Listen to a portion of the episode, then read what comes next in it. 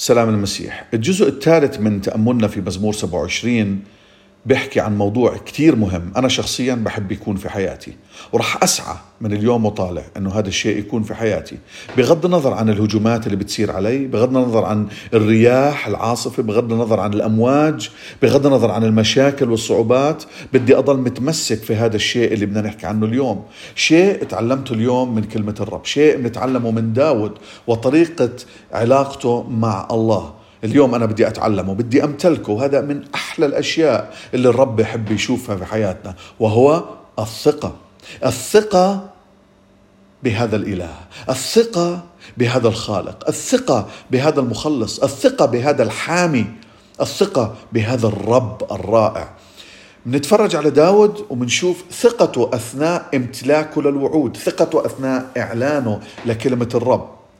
وتذكرت برسالة يعقوب إصحاح الأول وعدد ستة بيقول ولكن ليطلب بإيمان غير مرتاب البتة لأن المرتاب يشبه موج من البحر تخبطه الريح وتدفعه فلا يظن ذلك الإنسان أنه ينال شيء من عند الرب. لكن اليوم إحنا ما بدنا هذا الشيء يصير معنا لما بتخبطنا الريح لما بتخبطنا ال ال الأمواج بدنا ننال شيء من عند الرب لأنه ما بدناش نكون متقلقلين. بده يكون في عنا ثقة. نتعلمها اليوم من كلمة الرب المزمور 27 قديش رائع الطريقة اللي داود بيحكي فيها بكل ثقة ويقين إنه اللي بطلبه راح يصير وإنه اوريدي صاير على أرض الواقع بالأمور اللي هلأ رح نقرأها.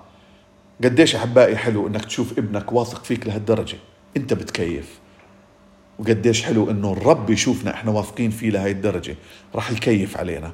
وهاي الصلاة وهذا آه، وهذا الضمان وإعلان هاي الكلمة إعلان هذا الضمان إعلان هاي الوعود في حياتنا هو اللي راح يخلينا نكون ثابتين ممكنين ومطمئنين مثل ما هلا رح نقرأ إنه مهما إجت العواصف في حياتنا عندنا إله يستحق فعلا أن نثق فيه. نشوف كيف داود بصلي من غير ما يكون مرتاب. بيعلن الإعلانات في حياته بكل ثقة. نتعلم هاي الثقة من اليوم. الرب نوري وخلاصي من من أخاف. خليني أحكيها بلغتي.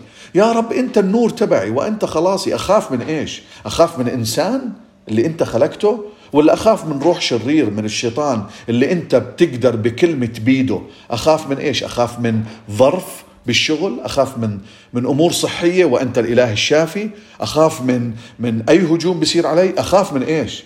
إذا أنت الرب أنت سندي وأنت نوري وأنت خلاصي من إيش أخاف؟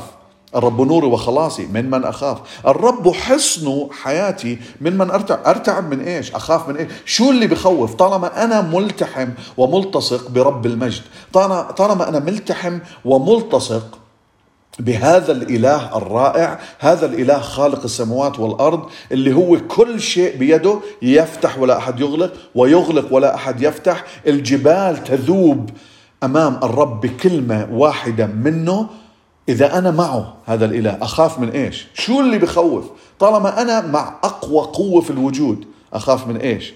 حتى أعدائي يعثروا ويسقطوا. نشوف الثقة ونتعلمها من هاي الوعود. ما راح أخاف؟ ما راح أرتعب أعدائي راح يعثروا ويسقطوا. يا ريت أحبائي تقرأوها وأنا عم بحكي. لا يخاف قلبي أنا مطمئن. أنا بعلن إني أنا مطمئن. أسكن في بيت الرب. ليش؟ الرب يخبئني في مظلته في يوم الشر. الرب يسترني. الرب يرفعني. الرب يرفع رأسي. الرب يرحمني. يستجيب إلي لن يحجب وجه عوني. الرب هو عوني. الرب لن يتركني. الرب هو اللي بضمني الرب هو اللي بهديني لن يسلمني إلى أعدائي.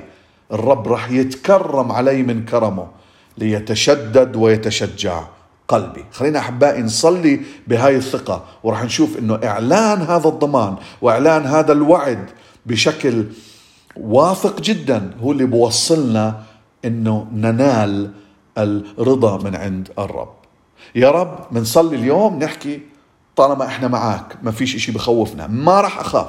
حتى لو إجت الأمواج ما راح أخاف. أنا اليوم بعلن إني أنا واثق فيك أنا مش خايف أنا مش مرتعب.